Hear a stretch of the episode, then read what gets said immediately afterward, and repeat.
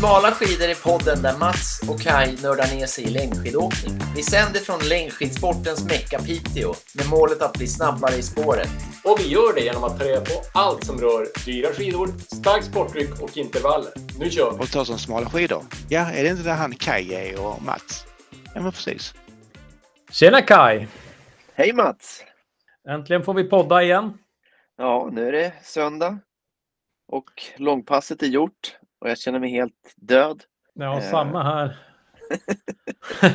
vi, vi går rätt in på, på, eh, på träningen. Hur, hur har veckan varit för dig? Jag har faktiskt fått ihop eh, åtta och en halv timme på klockan. Så att eh, jag är lite smånöjd även om jag jobbade i eh, lördags nu igår. Så att eh, det blev ingen träning igår. Eh, är men det blåste bra. lite mycket här i Piteå så att eh, man känner sig helt blåst om man säger så. Mm. Själv då? Men eh, ja, alltså jag klår ju faktiskt dig här i veckan. Eh. Gud vad Jag bra! ligger- Eller, jag ligger på, ja, jag har gjort bästa träningsveckan på länge, men jag ligger kanske på nio och en halv timme och har kanske tänkt på gymmet ikväll för att ta tio barriären där i veckan i alla fall. Men, eh, nej, men det har varit en grym träningsvecka. Jag har nog sällan haft så bra träningsvecka. Eh, men vad har du gjort då? Ja, men eh, Thomas ringde. Ja, nej, men Thomas var så här, ska vi ut och löpa? Ja, men vi får ut och löper. Och så Tibban på jobbet, så här, ska vi träna på lunchen? Ja, Vi tränar på lunchen. Och så sen så var jag på LF och du vet, körde runt där massor samma kväll. Och så sen så var det så fint väder så jag tog en lång lunch och åkte två timmar rullisa själv i lugnt tempo. Så då hade jag redan två, tre timmar på veckan så att säga. Och så sen när ni sprang Vallsbergslöparna så, jag, min höft pallade inte det passet, så var jag på Strömlida och sprang upp och ner. Och så sen ett två timmars pass på cykel i lördags. Och det var ju jätteintressant. Du vet ju hur trött man är i benen efter löppasset på fredagen. Ja. Eh, och så cyklar vi då och, och jag hade ingen, ingen power i benet. Det var ju första cykelpasset också. Så att när vi kommer hem, när jag kliver av cykeln, så jag kan knappt gå. Alltså jag, jag tar mig inte upp för trappen och så där. Och så ser jag på passet och då, då har jag haft en puls på 129 i snitt. Alltså jättelåg puls. Och det är just för att varje uppförsbacke så var jag tvungen att ligga på ettans växel och ligga sakta. Så att jag, jag fick aldrig någon pulsökning egentligen. Så det var, vart ett jätte, jättebra ett pass tack vare att benen inte fanns där. Eh, och så sen två och en halv timme rullskidor idag. Så att, eh, ja men bra variation, bra pass. Att, eh, om jag skulle kunna, eh, jag kommer inte att kunna fortsätta så här, men skulle jag hålla, det här är Jockes plan från förra veckans poddavsnitt egentligen, som jag försökt hålla. Eh, Ja. Då tror jag ändå att jag, eh, då tror jag att det kommer att hända grejer i Vasaloppet. Så att det är ju, det är lite drömmigt om man skulle kunna hålla det här. Och, ja, eh, en vecka är, är ju inspirerande och det är ju det där hålla i som är det svåra. Eh, Ja, för jag- livet kommer emellan.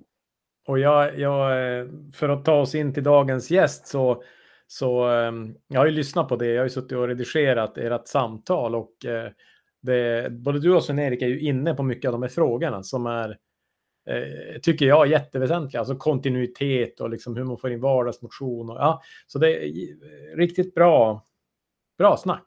Eh, du får, du får eh, En halv. SVT-poäng. nej, nej, nej, nej, jag ska ta SVT-poängen efteråt tänkte jag. men, men berätta gärna lite grann om ett samtal eh, eh, som en liten inflygning till... till ja, alltså Sven-Erik Pajala, han har ju jättemycket erfarenhet från landslaget och från egen, liksom lång tid. Och då tänkte jag så här, vad coolt det vore att få prata med någon som eh, har det tidsspannet och, för, och liksom för, för eh, ja, och vad, vad, vad, har vi, vad är skillnader och så där över lång tid och så. Mm. Men då hade ju du också det här fantastiska avsnittet med Jocke som jag lyssnade på. Eh, så det, nu pratar jag om hur, hur jag är påverkad av det här. Så, så då, när jag lyssnade på den och så hade jag samtalet eh, bara någon dag senare med, med Sven-Erik. Och det var som att det rasslade till liksom så här. Det viktiga är att få kontinuitet i träningen. Eh, och sen om det blir att köra eh, skottkärra på gården och samla 30 000 steg i trädgårdsarbete eller liksom cykla. Ja, så det känns som att jag hittar något lugn men jag ändå får till träningen för att jag inte stressar med att det ska vara liksom på något visst sätt. Men att jag har det här fredagar, ett hårt, då ska det gå på rött liksom. Eh, och det blir ju mycket tävling och, och uppför backarna på, på Valtberget. Så att, jag hittar någon, det känns som att det, det klickade till, som att jag hajade och det kändes som att nu jag letar inte utan nu, nu vet jag. Lite Mm. den känslan. Liksom. Ja, nej, men att, eh, superbra. Jag, Jag, hoppas jag hade att det också... kan sprida något, liksom, folk kan få lite idéer från, från eh, snacket. Nej, men jag hade också den känslan. Och vi kan väl ge en liten varning. Jag har ju som sagt suttit och redigerat. Det är ju, Sven-Erik är ju ganska norrländsk och sävlig. Han kommer ju från Pajala. Det går inte jättefort när Sven-Erik pratar. Eh, och, och du med din finska själ är ju... Och, eh, tillsammans med mig så håller det ett hyfsat tempo. Men med Sven-Erik så det, det blir eh, lite så här... Eh, ja, men skön musik, men inte så snabb musik. Lite klassisk, eh, lugn musik. Eh, sådär. Så man, man får man får liksom eh, vänta in poängerna och, och, och ja, men jag tycker det är ett bra samtal måste jag säga. Och, men, men lite annat tempo än vad man kanske är van med i smala skidor. Men vi vill ju, vi vill ju utveckla och lära oss så att jag tycker det här är kanon. Men jag tänker att eh, vi kanske eh, låter våra lyssnare lyssna och så kan vi väl... Får de eh, döma, får de döma eh, efter både innehåll och tempo? Ja, exakt. Ja. Så vi, eh, vi släpper fram Kai och Sven-Erik här. Välkommen till podden Smala skidor. Tack Kaj. Ja, eh, vill du säga några ord om din relation till skidåkning? Sven-Erik Pajala, by the way. En fantastisk idrott som jag har kommit i kontakt med väldigt tidigt på Tevabacken i Pajala. Min farfar gjorde mina första skidor. När började du åka skidor? Säg att jag var fem år. Fem år. Ja, lite mer regelbundet. Nerför Tevabacken, då gällde det att ta den i ett svep. Det var som målet. Det, det tog eh, några månader. Nej, det tog nog något år. Jag började så pass ung. Ja. Fem, sex år. Ja, nej men annars det är en fantastisk idrott, en fantastisk motionsform och fantastiskt att få uppleva både vid sidan om och vid, vid tv-rutan. Så uppleva olika Så du, ungdomsidrott till, till elitskidåkning. precis, du började åka skidor när du var fem. Men du har också varit elitaktiv, eller hur? Ja, Du har också varit eh, engagerad i landslaget som tränare och som på alla möjliga vis. ja, Och du har hjälpt eh, unga att bli seniorer och elit. ja. Ja. Så man kan säga att du kan det här med skidåkning, eh, inte bara lite grann utan över massa tid. Ja, jag tycker att jag har en bra bild av, av utvecklingen som har varit och upplevt under... Jag var på den första sommarskidskolan som jag tror startades eh, 1972 i Karlstad. Ja. Då var jag 14 år då. Ja. Ja, det var eh, min första kontakt sådär med, med skidungdomar från andra län och så vidare. Och vi träffade på ett antal landslagsåkare på den tiden. Ja, Lars-Göran Åslund, nybliven världsmästare och Sven-Åke Lundbäck som då hade vunnit OS-guld i Sapporo. Och ja, det var både... Även känns från Lundbäcksbackarna eh, på Vasaloppet. Ja, ja. Eh, Jag och Mats, vi driver ju den här podden eh, med idén om att vi ska lära oss att bli bättre långloppsåkare.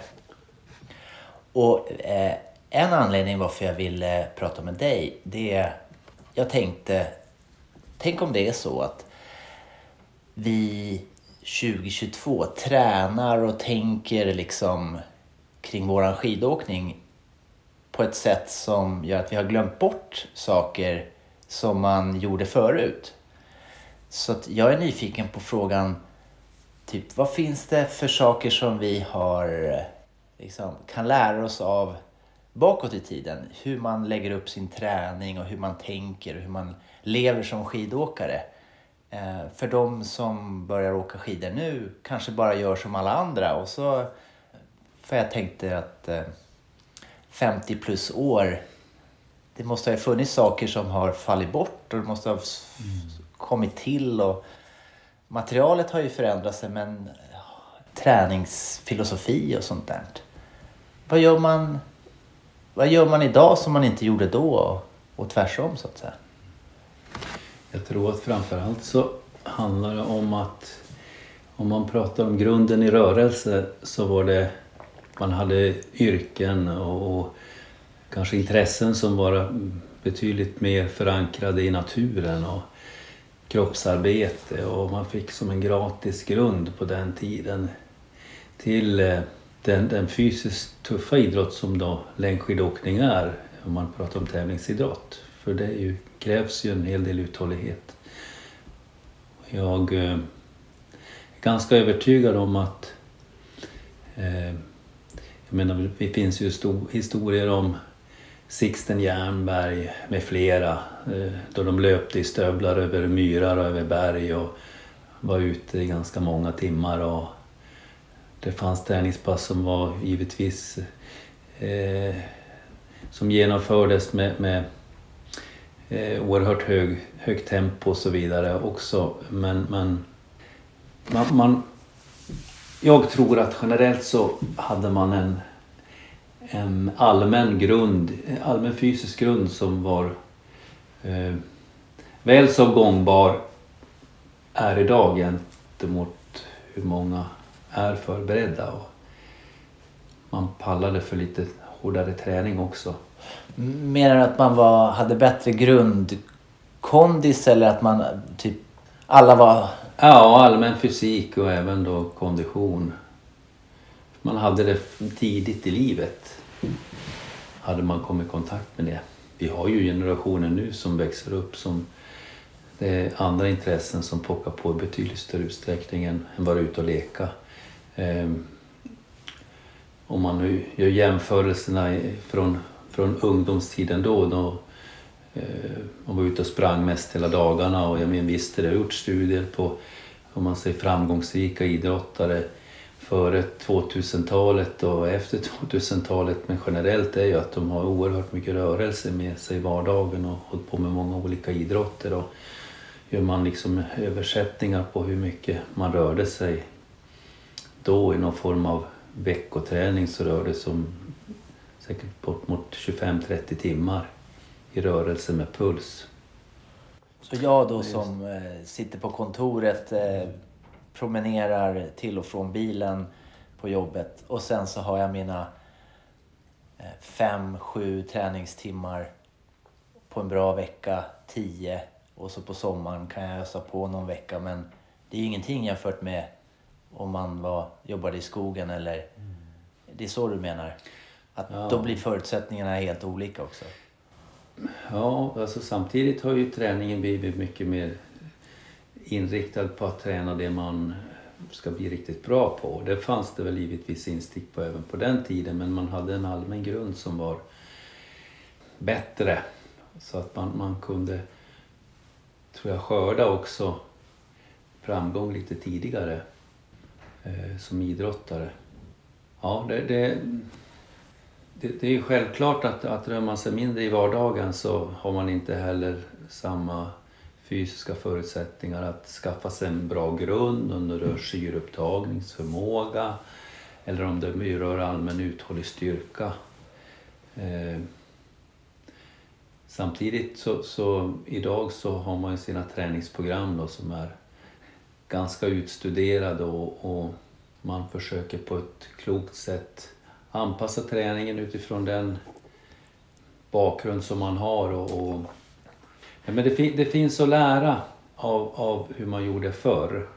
Samtidigt så eh, måste man ju inse att utvecklingen går framåt och eh, med hjälp av forskning och inte minst oerhört mycket erfarenhet från olika eh, åkare så har ju träningen förfinats och gjorts eh, specialinriktad för till exempel långlopp som, som du satsar på.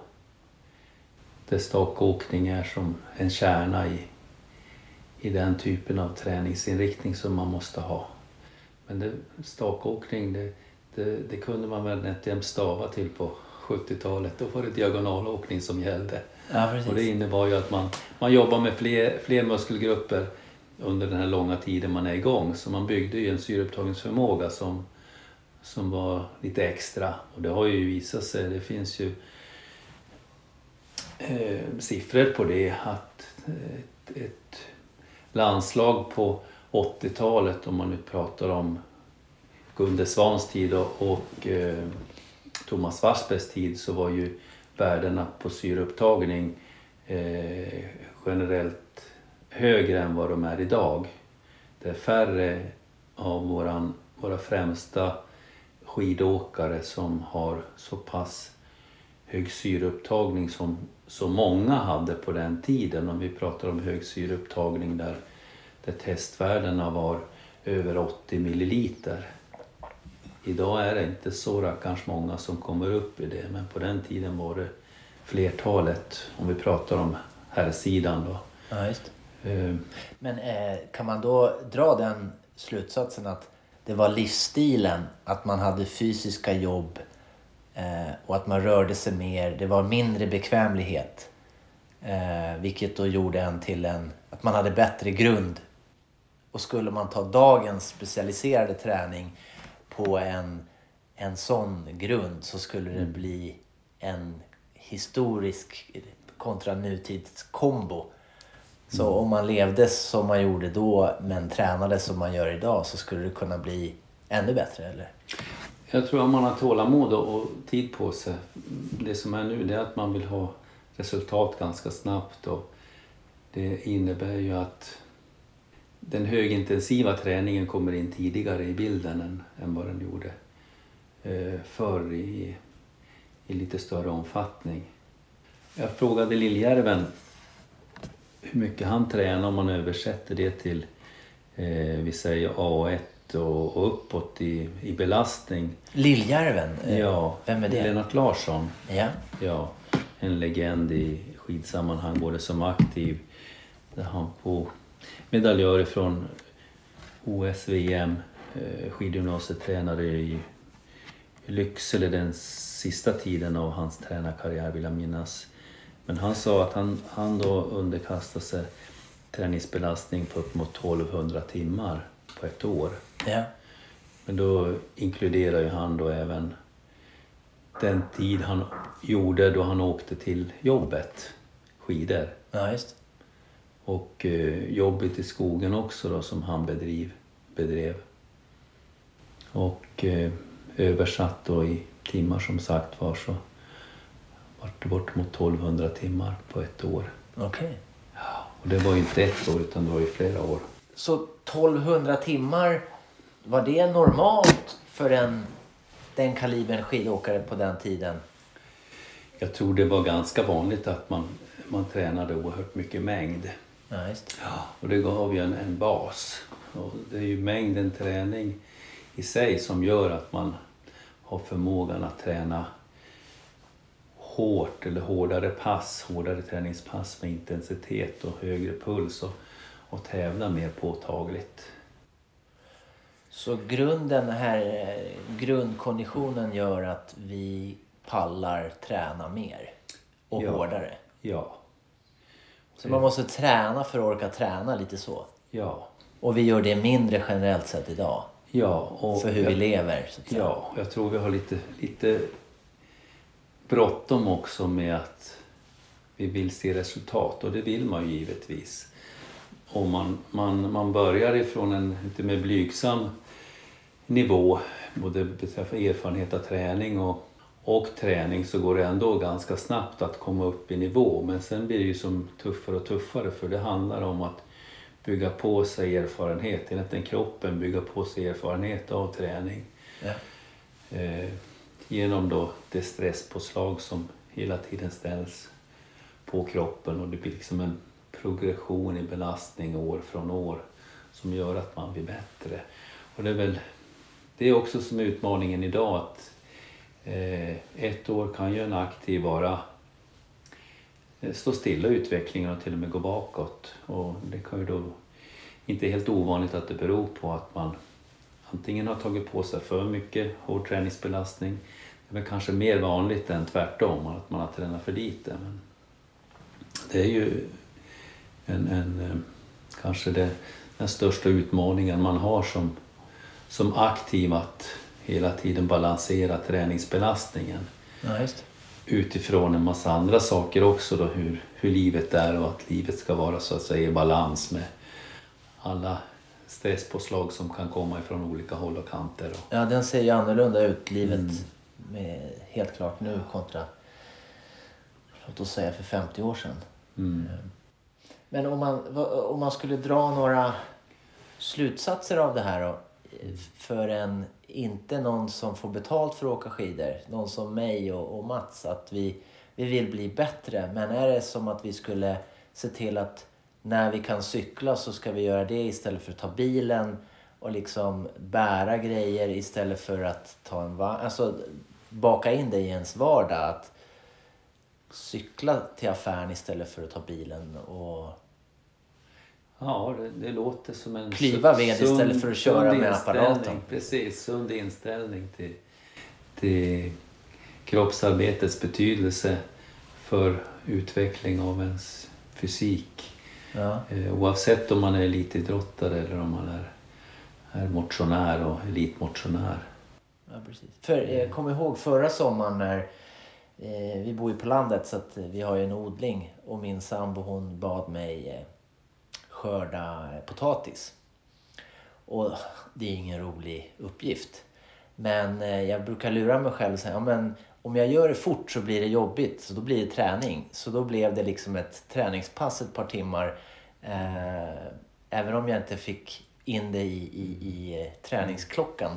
Mm. Men, men att tänka mer så eh, med fler saker. Absolut. Som motionär så, så elitmotionär så är det, är det guld värt. Och man skulle önska att den yngre generationen också tog chansen och gjorde den typen av arbete. Det kanske skulle ha allra störst effekt över, över tid, över sikt, att man belastar kroppen även i vardagen i större utsträckning än vad man gör. Ja. Det, det är nästan så att ju mer man tränar desto mer benägenhet finns det att ta bilen till affären fast det är ganska nära. Ja. Och det är väl inget fel i det i och för sig men, men, Men det hjälper en inte att bli bättre om man ska åka skidor långt. eh, nej, det, jag tycker att det, Det är det som är fokus. Vi är inte här för att prata om hur blir man bekväm utan hur, hur åker man eh, hur åker man eh, fortare och, och längre. Ja, det, det är absolut att vara på. Det är ungefär som en, en, en or- ordinär eh, Svensson som har ett kontorsarbete. Eh, betydelsen av att ta trapporna istället för hissen, betydelsen av att gå, gå av bussen någon hållplats tidigare och promenera eh, eller ha möjlighet att cykla till jobbet. Och, och den vardagsmotionen är definitivt underskattad. Det var som räkna på eh, dottern som gick till och från eh, skolan under högstadiet. Det var inte för att vi, vi, vi plågade henne utan det var för att hon tyckte att det var skönt. Ja. Eh, och sen eh, en bra bit in på läsåret då, då ville hon som summera det här och det visade ju sig att hon var inte allt för långt ifrån Kiruna. Så att det, det är liksom, om man går sex kilometer varje dag, tre kilometer till, till skolan och tre kilometer hem så, så blir det ganska mycket ja, just det. i, i slutändan. Att, att göra saker ofta, det, det, det blir en... en Det räntar sig, så att säga. Det räntar sig. Ja.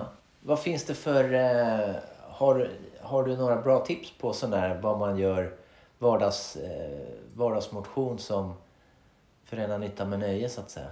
Som du har sett, det här, är- det här är någon som har gjort det här eh, och de har eh, fått bra resultat eller... Ja, men det, det, är det är ju inte för inte det fin, finns x antal duktiga skidåkare bland bönder Ja, utifrån den livsstil som de har ute på landet. Ja. Eh, Det är när man har, har en gård som har eh, djur eller om det då är ett, ett, ja, ett jordbruk. Då. Men, men jag, jag tror att det, det naturliga sättet eh, är att ta vara på chansen att vara ute. Sen om det handlar om svampplockning, om det handlar om bärplockning eller det handlar om fiske eller om det handlar om jakt så finns det som en både en fysisk och en mental eh, finess med att vara ute i naturen. ja just du som bor så, du bor ju i naturen. Ja. ja. Jag har ju hund också så att jag, Dessutom, ja. han behöver ju motion. Precis. Men på sommaren tror jag eh, stä, eh, pulsklockan mäter ju steg även när man inte tränar så att säga. Ja. Och på sommaren så, eh, speciellt min sambo, hon kan ju få ihop 30 000 steg utan att lämna gården. Eh, eh, och då pratar vi inte träning utan bara man gräver och man går och man fixar och donar. Medan på vintern så, så blir det inte lika mycket. Så man får ju säsongsbaserat också mer grundträning bara av att, ja, som du säger, bo på landet. Då. Och jag har ju hört talas om och sett vad stark liv är.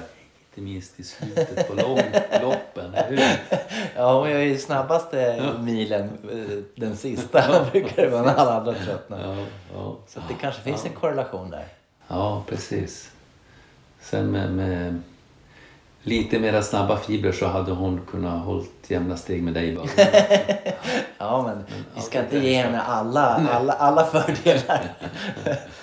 Men det här med myrlöpning på sommaren då? Eh, Ja, det är en fantastiskt bra eh, modell på, på rejäl träning som man kan tillämpa. Det, det är sugande och en myr kan förvisso vara eh, vattenfylld delvis i alla fall. Eh, den kan vara torr. Men som regel så är det ett underbart underlag att gå med stavar, löpa på. Vi brukar ju säga det att skidåkaren föds på sommaren och det gäller oavsett om man är elitåkare eller elitmotionär eller motionär. Det är liksom, man får betalt för det längre framåt hösten och mot vintern. Och myrpassen är, de är oslagbara, skonsamt. Eh, Skonsamt och så sa du att men, men liksom, sälj in myren för den som har tillgång till den. Ja, det är skonsam träning på myren. Du har alla förutsättningar att jobba med många och stora muskelgrupper. Du kan återigen dessutom ta med dig stavarna med rejäla trugor så du får bra grepp när du jobbar med, med eh, diagonalrörelserna och armarbetet också. Eh, det gör att det ställer stora krav på syreupptagningsförmågan. Eh, du kan bedriva lugnare pass, du kan bedriva hårdare pass. Och sen kommer Så du... ett långpass på myren, det är inte fel. Det är inte fel. Då är det nog mer att du ska ha en förmåga att kunna anpassa farten lite grann. Och visst, det är alltid bra med variation i tempo. Det är inte så att man ska dra fötterna i det blötaste hela tiden utan samtidigt söka upp avsnitt i myren där det är lite mer inbjudande, kanske lite torrare att gå.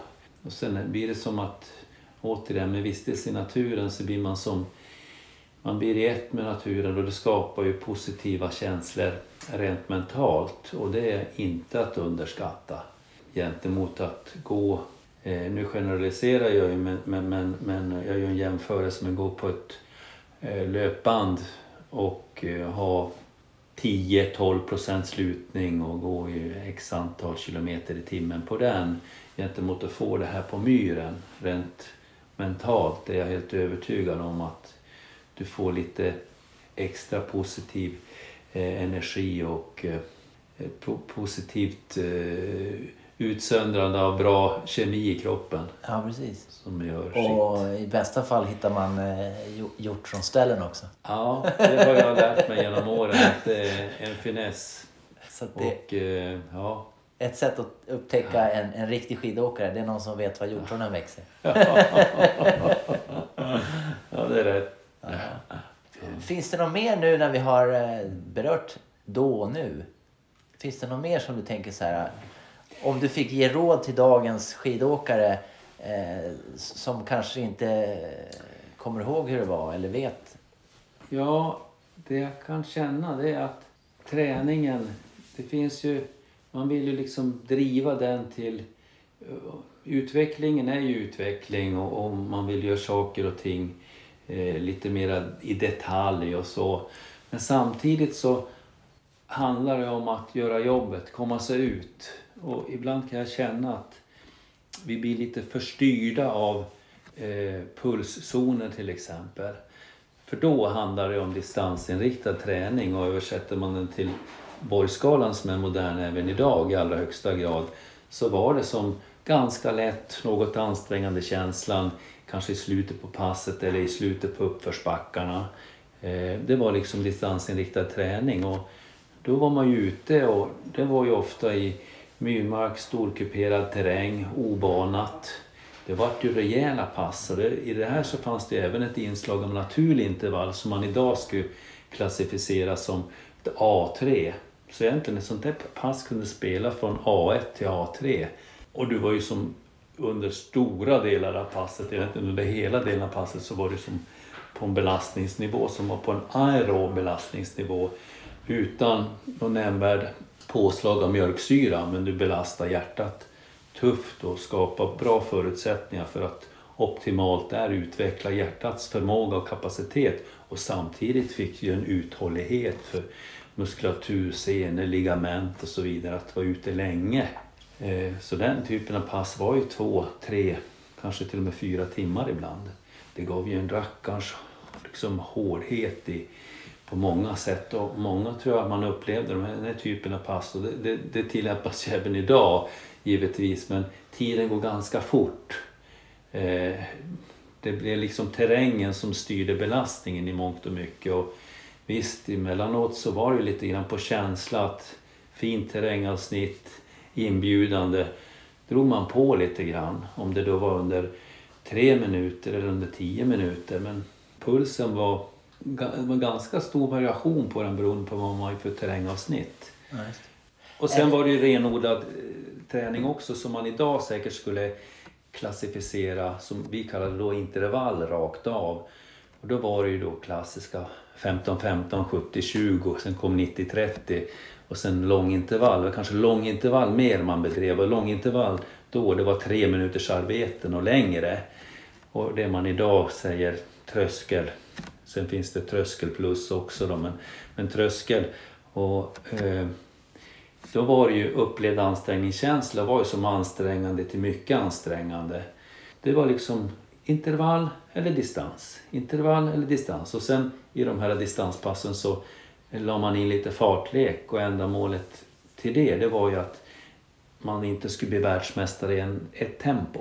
För det kan ju vara att man, man hade ganska flack terräng och då kanske pulsnivån då legat på mellan, mellan A1 och A2 för att liksom slå på och trigga de snabba fibrerna också, typ 2-fibrerna så under en, en fartlek som var en 25-30 sekunder, absolut inte längre, så var det som successivt man höjde från långsamt tempo till efter 10 sekunder så var man nästan till uppe på maxbelastning.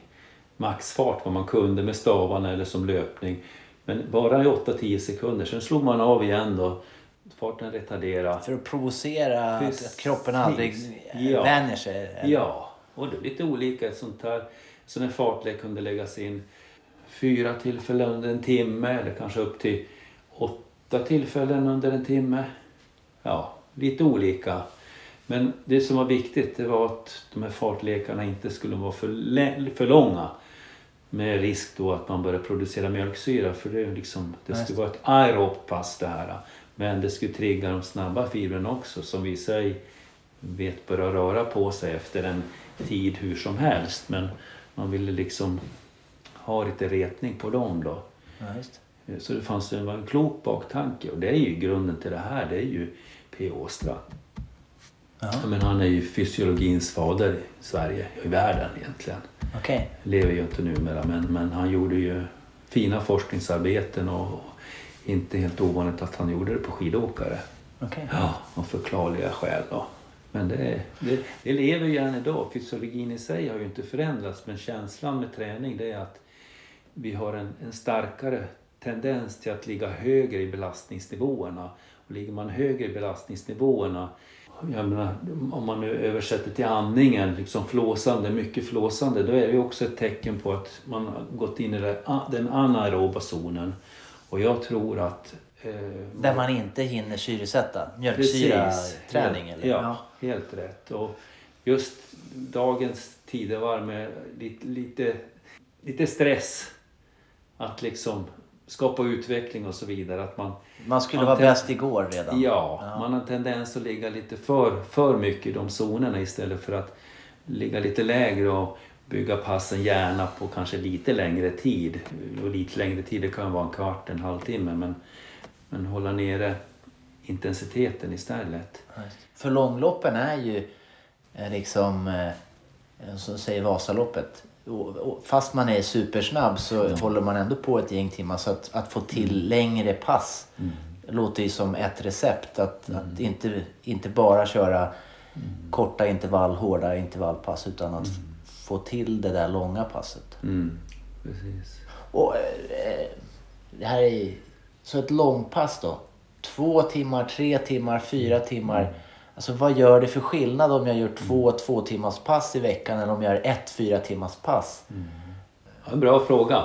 Och vilket ska jag välja om, om jag kan göra båda? På den tiden så var det ju också att man, man, man åkte betydligt fler 30 och 50 kilometers lopp om man pratar om herrskidåkningen. Ja. Och det var ju lika på dam också att det var ju fler lopp av lite längre karaktär, 10-20. Det är då min känsla i alla fall för, för damerna. Men det gjorde ju att det, det i sig skapade en hårdhet. Om jag hade ett val att göra ett fyra timmars pass eller två två timmars pass i veckan Ja. eh, och, jag, jag, och jag fick ihop det. Vilket skulle jag göra och varför? Trä, variation i träningen är, är viktig och bra. Och eh, det, det jag tänker mig när man är motionär och har som ambition att åka till exempel då Vasaloppet. Det är att det är värdefullt att, låt oss säga, i alla fall från, från senare delen av sommaren, från juli, augusti, så var tionde dag att man, man har eh, ett längre pass som, där man är ute bortemot fyra timmar. Ja. Och det behöver fokuserat inte vara på stakåkning. Det kan vara ett kombipass där man jobbar i myr med stavar halva tiden och sen går man på med, med stakåkning avslutande två timmarna. Och, och har då i övrigt standardpass där man kör de här två timmarna. Och gärna då det, det blir ju så, man pratar också om, om olika perioder under, under eh, säsong och inte minst under sommaren, hösten där man har lite fokus på att grenspecifik träning och lite mera tävlingsinriktad ju längre snön man kommer. Men jag, jag tycker definitivt att du ska ha dina två timmars pass som en, som en grund istället för att göra ett fyra timmars pass en gång i veckan och sen har man inga distanspass i övrigt. Men samtidigt så är det värt att prova också att det är lite grann hur man känner själv med träning. Att ha det där fyra timmars passet och sen lägger man in då ett intervallbetonade pass eller A3-pass som, som är en, en långloppsåkares eh, grund. Ja. Inte minst under sommarhalvåret. Och eh, förut då, förr i tiden, jag ska säga 20-30 år sedan, gjorde man sådana här mängdveckor? Eller tränar man lika mycket jämt? Eller har det blivit någon skillnad på det? Ja, det är också en spännande fråga. För att det skiljer ju sig. Jag, jag har ju genom att jag känner ju Sven-Åke Lundbäck en, en del. Och, och det han har sagt till exempel, om, han, han kunde inte träna lika mycket mängd som en sån som Thomas Magnusson. Eh, ja, han, han, han mäktade inte med de mängderna helt enkelt, sa han själv. De, då slitaget blev för stort på han. Eh, han, tränade tränar ju mindre tid men å andra sidan hade han högre intensitet i sin träning. Eh, och i grunden så är det säkert två personer som är födda med extrema eh, gener som, som har ett oerhört eh, starkt hjärta och förutsättningar att ha en hög syreupptagningsförmåga. Eh, Så det är individuellt eh, rätt så mycket att hitta den tränings träningsmodellen som passar Ja, liksom. om det då var lite, lite grann som kynnet också. Att jag, jag har ju lite erfarenhet av Sven-Åke, låt vara det. Jag var, var- efter, egentligen året efter det att han vann långloppscupen då när vi pluggade tillsammans på GH. Ja, han hade ju som slagit, slagit av på sin totala träningsmängd men det gick undan om man skulle köra lunchpassen han. Ja. Det var ju inte en nära döden upplevelse, så långt ifrån. En nära, Det var- nära döden Det upplevelse. liksom då, då jag, jag började förstå också att för, för en eh, så oerhört stor eh, skidåkare som Sven-Åke så det här var den där nivån som han var på. Det var bo, både en mental hårdhet som var en mental hårdhet som, som fanns där Och sen förmågan att kunna hålla hög fart under lång tid. För 45 minuter det är ju ändå lång tid. Trots att en, en Vasaloppsåkare som åker flera timmar kan tycka att 45 är inte så lång tid. Men det är, det är ett uthållighetsarbete, 45 minuter. Men eh, återigen, det, det, träning är ju individuell. Samtidigt så är det ändå att man måste som göra arbetet med basen. Det är ungefär som, ska du bygga ett hus så går det inte att börja med vindskivorna. Du måste som börja med grunden. Undan för undan och sen om vindskivorna då är stakning med, med väldigt, väldigt hög frekvens under en kort tid, 30 gånger. Så, så den typen av träning är mer som lämpad längre fram i säsong. Visst kan man, visst kan man staka intensivt tidigare också men förstår man rätt i att man, man lägger lite mer av den högintensiva träningen som är, är eh, just mot tävling längre fram. För den sliter mer så man vill ha den här mängdträningen eh, och, lägga fokus på grunden Ja. innan man bygger vindskivorna som sa. Ja, precis. Och det, det talesättet kan man ju använda både i en, en, en säsong men kanske framförallt över år. Att är, träning gör att man, man bygger på hela tiden en oerhört stabil eh, grund som gör att man kan eh, tillgodogöra sig hårdare och högre intensitet i träning och tävla mera frekvent. Så är det. Häftigt. Det är ungefär som, som en, en som, som är eh, första års senior och man jämför med en som är etablerad i långloppsvärldscupen och har varit med tio säsonger så den här yngre förmågan har ju ofta en åker bra och kan vara med på ett antal lopp. Kanske inte minst i inledningen på säsongen men, men det blir tuffare längre fram på säsongen. Man pallar inte med hela form. säsongen, Precis. Ja. Då är det ju inte bara tävlingarna i sig som, som är en belastning utan lite belastning blir det också av livet runt omkring med resande och boende och att ha erfarenhet av det. Det, det är också värdefullt för att kunna Det är som första Minimera. Vasaloppet. Det är så stort spektakel att åka till Sälen och allt vad man behöver tänka på. Så när man har gjort Ja. det en gång Ja. då kan man slappna av lite och fokusera mer på loppet. eh, För man vet vart man ska och att man inte ska halka omkring på morgonen. Och Ska man stå i kö eller inte och alla de här eh, Precis. grejerna. Ja, ja men så är det. Och alla dåliga av alla tips som man får alldeles för sent. Ja, precis. Andra året har man förstått att man ska lita på sig själv och inte lyssna på andra. Precis. Ja, Ja. Nej, så är det. Ja, men då, det, vi- när vi pratar om komplicerat, eh, eller jag, jag tog, tog det uttrycket, det, det, det är ju ett... Det, det är så lätt att man kommer för mycket in i, i detaljer, i puls till exempel och kanske även i styrkeinriktad träning. Att det behöver inte vara svårare än att man, man delar in egentligen sin träning i längre, lugnare. Visst, med, med lite fartleksinslag eller i, i med nutidens terminologi pratar man ibland om impulser. Eh, men inte för stor omfattning de längre passen. Ja, på de kortare, de är med ett högre tempo, lite mer intensivt. Ja. Och sen egentligen mm, att, att stärka muskulaturen och eh, fokusera på muskulatur som, som skapar framåtdrift och är viktig för bålstabilitet och så vidare i tävlingssituation. Det är egentligen klassisk cirkelinriktad träning. 40-20 arbeten till exempel. 10 stycken sådana efter varandra, 40-20, sen tar man då eh, vila ett par minuter så kör man igen 10 minuter, 40-20 inriktning. 40 arbete, 10, 20 vila. Byt övning. Kanske i det också har man inne någon pulshöjande övning.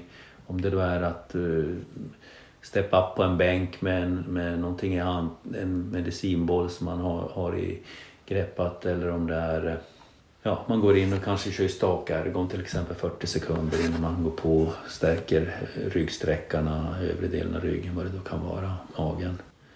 Så då är det tre grejer man tänker på. Det är långa, lugna med lite impulser.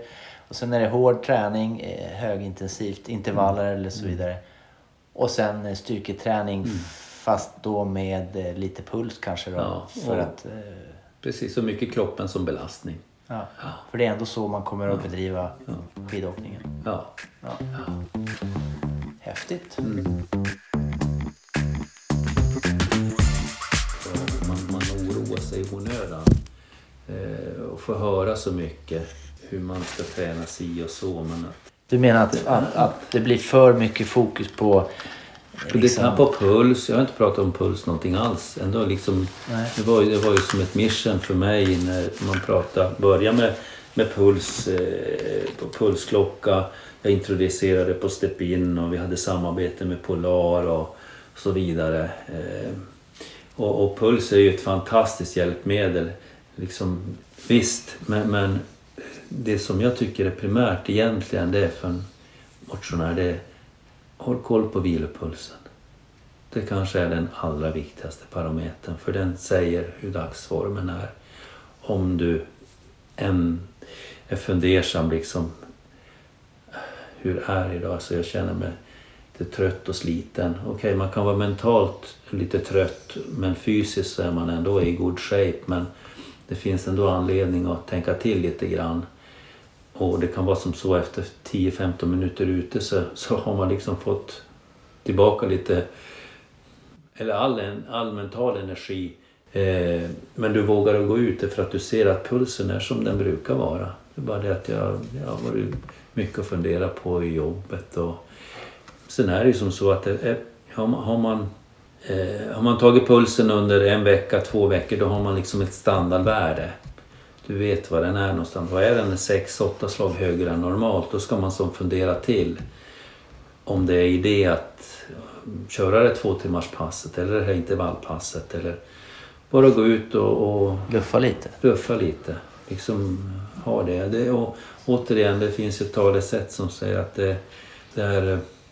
Ja, man, man, man kan, man kan eh, spela efter noter men, men det, det finns någonting som säger att lyssna på kroppens signaler och gå på, på gehör också. Det, det, är, det är en viktig detalj i, i träningsarbetet. Ja, det blir väl en viktig sak under ett lopp att kunna lyssna på. Orkar jag nu Ja. hänga på eller är det bättre att släppa? Eller Ja. att det där lyssnandet, inkännandet, eh, det är ju också en del av Mm, träningen gissar jag. mm, precis. Idag har jag dagen så idag kör jag ifrån dem. Ja, precis, bara det. Om man inte hör den eh, tonen, eh, då kör man ju inte ifrån dem.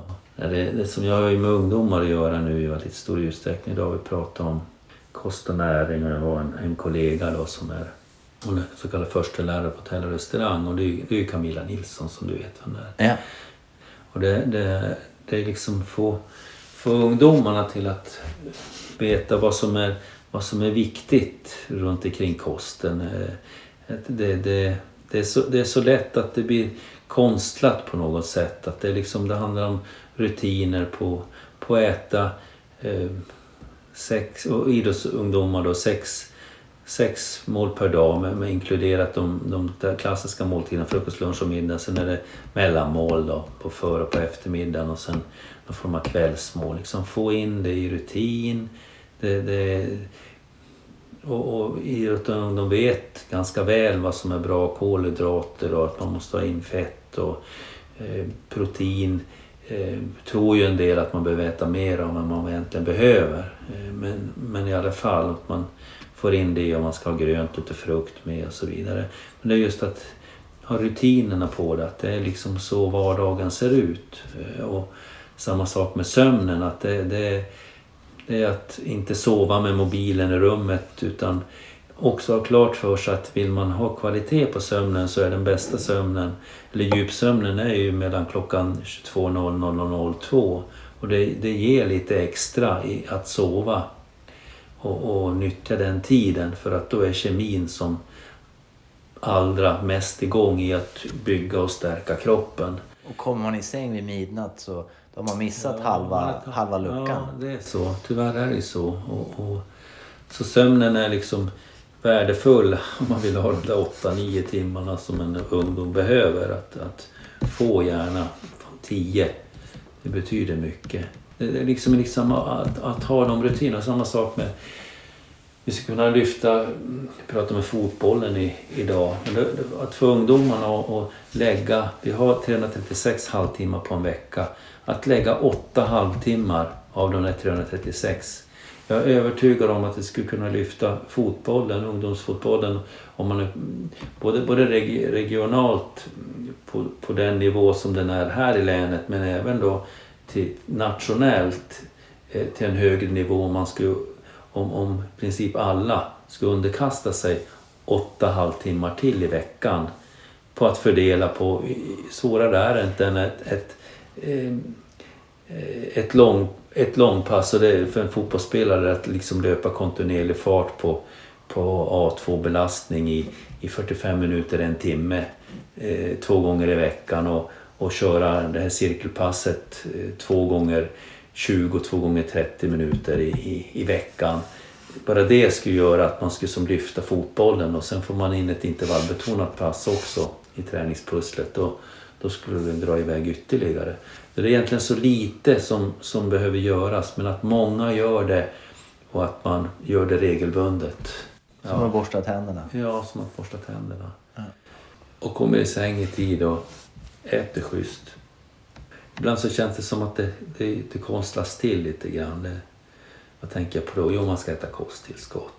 Man, man ser inte alltid värdet och det är väl så konsekvenstänket det är ju inte riktigt utvecklat heller för en, en viss ålder med, med möjligheterna där till att eh, faktiskt inse att återhämtning det, det kan vara, av en aktiv karaktär också. Att man, man gör någonting som inte är så fysiskt belastande tillsammans med med någon annan, vad det då är. Att man, bara en promenad till, till att man är ute i skogen och ja, det finns mycket. Fara och fiska och gör, gör något. Ja, ska man ringa någon ett samtal så kan man ta en promenad ja, idag visst, med en ja, mobiltelefon. Så. Ja, det också. Ja, men precis. Lyssna på podd, lyssna på smala skidor. Det är en bra idé. ja, precis. Ja. Samtidigt har jag läst en artikel, en forskningsartikel runt omkring Eh, de gjorde Norge och det menar man på att man måste se idrotten och inte minst ungdomsidrotten men även prägeln gå in på senioridrotten ur ett mer holistiskt synsätt än, än vad det generellt är. Det är liksom prestation, prestation, prestation. Just på det här hur vårdar jag mig själv bäst? Hur vårdar jag mig själv bäst och hur skapar jag den bästa återhämtningen för mig? Det är liksom det är ganska tydliga andemeningar vad som är väsentligt om man ska utvecklas inom idrott. Hur vårdar jag mig själv bäst? Det är liksom grund och botten att jag måste må bra för att kunna göra goda prestationer och ja. utvecklas. Och, och jag gissar att det är skillnad om man tänker hur ska jag ha ett bra pass, nu ska jag träna en timme ja. kontra hela det här dygnet. Ja. Hur ska jag sova, äta, eh, ha goda relationer, ha kul på jobbet och hur ska jag få till min träning? Det, det kommer ja. bli olika. Liksom. Ja. Och jag tror definitivt att det också det är en faktor, inte bara den andra delen då, det här med återhämtning, att den inte är tillräcklig men lika mycket att man inte man mår inte bra i själen och kroppen av någon anledning som gör att man som elit, etablerad elitidrottare inte riktigt presterar lika bra säsong två som man gjorde förra säsongen. Så det är, men det är en underskattad eh, vad ska man kalla det för, del i det här som, som man inte pratar så mycket om. Ja, det är ju mjuka värden. Liksom det, ja. Återigen, jag känner ju med den det som har varit i media kring psykisk ohälsa så vidare. Det är jättebra att det liksom kommer upp. Men de mjuka värdena är, är förstår folk i större utsträckning nu dess betydelse. Ja, vi pratar om det. Att det liksom inte måste nu. vara hårdare, det måste vara tuffare. Ja, ja. Som, som liksom, jag känner att jag är uppvuxen med också i, från min ungdomstid och, och eh, som någon form av ideal man skulle liksom leva upp i träningen, att aldrig gnälla eller sådär. Och det finns väl en poäng med det också förvisso men, men liksom mental tuffhet, det, liksom, ja. det, det, det var viktigt med visa mental tuffhet men man pratar inte om att man skulle må bra. Ja, vad det var för faktorer som gjorde att man mådde bra eller mår bra. Ja, det är spännande. Det är det. Jag menar, det är ungdomsidrotten med... Det, liksom, vad beror det på att vi har fler och fler ungdomar som inte vill tävla? Det får man ju ha respekt för, att inte alla vill tävla. Jag menar med längdskidor så är väl det bästa att de tycker det är roligt att åka skidor och bara njuta av det. Men samtidigt vill man ju att ungdomarna ska tävla. Men det, det måste ju vara på något vis vi vuxna som sätter någon prägel på och gör värderingar på, på prestation i för stor utsträckning så man liksom får lite avsky för det och känner att man inte duger. Och, ja, nå- något, något, vi kan göra saker bättre i alla fall. Ja. För att få ungdomarna att gärna prova sina vingar och tävla också. Men hur är formen själv då? Nu? Ja, eh, jag jobbar på det där med Ja. basen. Ja. Jag försöker få till timmar. Ja. Eh, så att säga. Och jag har eh, börjat åka rullskidor på fyror. Ja, vad bra. På förra säsongen så orkade jag inte det. Mm. Alltså det kändes som att jag kunde inte upprätthålla teknik Mm. någon, någon, någon mycket. Mm. Men ehm, det kan jag nu. Mm, Så jag har blivit starkare kan man väl säga. Så det är den där... eh, Ja. när jag gick med i CC 1000, Ja. då, eh, det var ju fyra säsonger. Ja, just det. Så- Vilket år var det då ungefär? Ja, det är fem år sedan. Fem år sedan? Ja. Mm, 16 typ. Och då, då gjorde jag ju aldrig någon annan... Liksom, jag strävade aldrig efter att staka utan jag Mm. diagonalade och körde med fäste. För jag kände att det är liksom, jag var inte nog stark för det. Mm.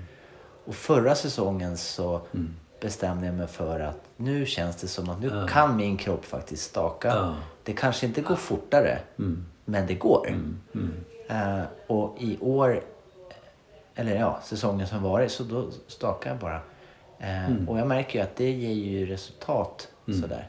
Ja. Men jag gillar ju att diagonala och jag gillar att skata. Så att jag, jag, ehm, jag gillar ju omväxlingen. Ja. Så att man inte blir liksom för, för ensidig. Ja, precis. För jag, jag tror det, alltså, man blir bra på det man gör, det är inte frågan om annat. Men sen är det en viss procent av ens träning. Är det viktigt att också ha muskulatur som är tränad som liksom stöttar upp den här stakspecifika muskulaturen. Och det är ju det jag håller i benen, jag menar det är ju faktiskt en del av, av, av framåtdriften som hjälps till med hjälp av benen också. Så liksom det är inte bara... Jag har faktiskt eh, eh, beställt ett par skate-rullskidor. Just för att Mm. Ja. skata, eh, staka och skata så att säga. Så jag får de där benen. Ja. Och också lite mer pump då. Ja, precis. Vad klokt. Där, om du tänker stakrörelsen på treans växel. Det är ju ändå mångt och mycket. Ja, Och det är ju- också en variation i träning. Jag vet ju att en sån som Ebba har ett tankesätt i det i sin träning på ja, vissa pass för att liksom skapa variation. Att man med skatestavar och jobbar med stakåkning lite väl så man sätter lite extra fokus på treans växel i sådana partier. Det kanske sammanfattar eh, våran lilla pratstund på ett skönt sätt. Ja. Jag är jätteglad att jag fick eh, komma hit och störa eh, snacka lite. Du var inte stört. Det Trevligt, trevligt att prata. Ja. Ja, men bra Kai måste jag säga. Alltså, ja, men vi pratar ju om SVT. Jag vet inte om vad vi har för någon bedömning här, men, men eh, jag vet inte vilken tid på kvällen man skulle spela den här nattsa- natt, godnattsagan, men, men, men eh, jag höll mig vaken i alla fall. Så att, eh, nej, nej, men jag tyckte det var jättebra. Grymt styrt. Va, vad, vad gillar du då? Alltså om vi struntar i, i mitt Ja, men- tempo, men eh, liksom Nej, innehållsmässigt. Precis. Nej, men jag, lite grann det vi var inne på eh, här före vi lyssnade, där med vardagsmotion. Och jag, det slog mig faktiskt idag. Jag var ute och åkte rullskidor då, två och en halv timme med Thomas. Och han eh, var ju den som fick ta motvinden då. Och då inser jag att Thomas är ju mycket bättre än mig på vardagsmotion. Han cyklar till jobbet varje dag. Det är ju en halvtimme motion varje dag. Det är ju två, tre timmar träning med varje vecka bara där. Så att, och, och han, han eh, också så här, ja men, ja, men han får ut och sprang fem kilometer. Det var ett lätt pass, men, men han har, jag, jag är sämre på att få till det. Så jag tror att det är hela nyckeln. Eh, jag tror att det är superviktigt. Så att eh, jag, jag får verk, fick verkligen så här en, en... Också det här tycker jag, jag gillade, jag tror det var du som sa det, men det här att ja, men långt och lugnt, hårt och kort. Eh, och, och, så lite styrka. Alltså det är inte så mycket svårare än så. Man behöver titta på klockan hela tiden utan bara få till de där passen på ett varierat roligt sätt. Ha kul och liksom, ja, få kontinuitet så, så tror jag att man har mycket vunnet. Sen kan man ju liksom, det är kul att nörda eh, och titta på pulsklockor och ha sig. Men, ja, men skitbra. Ja, men vad kul. Det känns ändå som att man fick, man fick fortsätta vara med i podden eh, på den där bedömningen. ja, verkligen. verkligen. Eh, och jag har ju Alltså jag funderat lite grann vad vi ska ha för gäster och då tittade jag på Instagram. Vad, vad har vi liksom pratat om och sådär. Och en som jag skulle vilja prata med det är ju Stefan Palm, alltså lager under 57. Du kommer ihåg att vi pratade om det när vi var på läger med lager. Men då var han ju inte där så det följer bort. Men ja, han hade ett, jag, jag, hittade en anteckning om ett citat. Han, han sa någon gång i deras podd så här att han, han vill inte bli två timmar äldre utan två timmar snabbare. Så, något sånt ja. där. Och jag, jag såg den där och tänkte, shit, jag, det hade varit så roligt att prata med Palm, för han kör ju verkligen, han kör ju hårt alltså. Ja. Och, och kämpar på för liksom och, sin topp 100 och allt det där. Så att jag, jag tänkte jag skulle göra en liten shout-out här i, i podden. Om, om någon känner Stefan, eh, vem än det må vara, så be han kontakta podden så att vi får göra en intervju med honom. För det ska vara jättekul. Så att, känner du Stefan Palm så säg åt honom att nu, nu, jag har skickat ett meddelande, men han, jag vet inte om han kollar inte sin Instagram, för jag ser inte att han har läst dem, så att han, han kanske har för många förfrågningar. Han kanske är superpopulär kille. Men äh, det hade varit kul. Så att äh, om någon av er lyssnar på det här och känner någon som känner någon så skicka en, äh, ett, ett sms eller en post-it-lapp eller ring han och säg att nu är det dags att kliva fram i smala skidor, ljuset. Ja, bra jobbat Mats. Jag, jag, var, jag var också inne på, på Instagram och såg att vi har fått några tips på, på saker att eh, ta upp så här. Det, vi måste ha ett litet möte du och ja. inte under sändningstid utan off, off air eller vad man då säger och ha någon form av plan. Men det är lite kul med all input, helt klart. Det, det uppskattas. Ja, men jag, jag, vi får väl ta något. Vi, vi, har inte tränat ihop på ett tag, så vi får väl ta något pass till helgen kanske, om vi får in ja. eh, på mountainbike eller rullskidor eller något. Du får köra ja. fyror och jag tvåor så kanske vi kan hålla jämn takt. Nej, så, så är det inte. Ja. Äh. Nej, men och sen i övrigt så där som avslutning så jag har köpt mig ett fastepaket nu, fem dagars fasta. Eh, så jag hade tänkt fasta nu helgen, men, men det, nu ska jag bort i början på veckan så det går inte. Men det blir nästa här eh, sätter fastan igång. Och så sen är jag också men... spana in. Ja. Men är är det här den här krisen som du hade förra avsnittet? Är det här ja. resultatet av det eller? Ja, den är större än någonsin, krisen. Så att, och jag har, jag har börjat eh, skärpa upp mitt liv när det gäller mat. Eh, så att nu är det slut med ostkrokar på kvällarna med frun och allt sånt där. Så att eh, nej, det, alltså jag ska ner till matchvikt 75 i alla fall, men helst lägre. Och sen är jag spanat in också 16-8 periodisk fasta som jag funderar på att köra efter den där fasta perioden. Eh, och det ja. innebär ju att man äter under sex timmar, typ lunch, middag och så skippar man resten eh, varje dygn. Eh, och det tror jag kan passa mig ganska bra, för jag är inte så pro frukost. Får... Du får åtta timmar att äta på dig och så har du 16 timmar fasta. Mm, ja, precis. Jag ja, tror det. Så, så det, är, mm. det, är två timmar mer. Åtta timmar. Ja, det är... ja, men exakt. Eh, så, det, det så... går nog, men frågan är om man kan ha humöret eh, intakt. Ja, men jag tror, hur är, jag tror hur är du? Har, tappar du humöret när du blir hungrig? Nej, inte så värst ändå. Och jag tror just frukost klarar jag ganska bra. Får jag bara liksom en kopp espresso på morgonen så kan jag nog köra fram till lunch. Man kan ju ta en tidig lunch kanske. Men får man eh, dricka kaffe innan? Ja, eller? oklart. Oklart. Eh, så det, men, men det kan hända att man får göra sin egen variant. Det är ju som med träning och allting. Eh, tänker jag. Man gör som man vill helt enkelt. Vi ja, är ändå vuxna gör... snart. Jag menar det. Eh, nej, så att eh, jag kanske har plockat ett kilo ändå på den här, den här veckan. Så det är ju resan har börjat. Viktvästen ska ja, ja. Mm, ja. Men du blir farlig då. Tio timmars träning, eh, går ner i vikt. Det är liksom som värsta elit eh, som man kan läsa om i, i tidningen på reportage av. Ja, och dessutom Kaj ska du veta vad som händer idag. Frun jobbar i eftermiddag. Stativet till skiärgen står under garaget i en kartong, så nu ska skiärgen in också. Så att Härligt. nu får det passa det. Då får du vara med på Zoom här.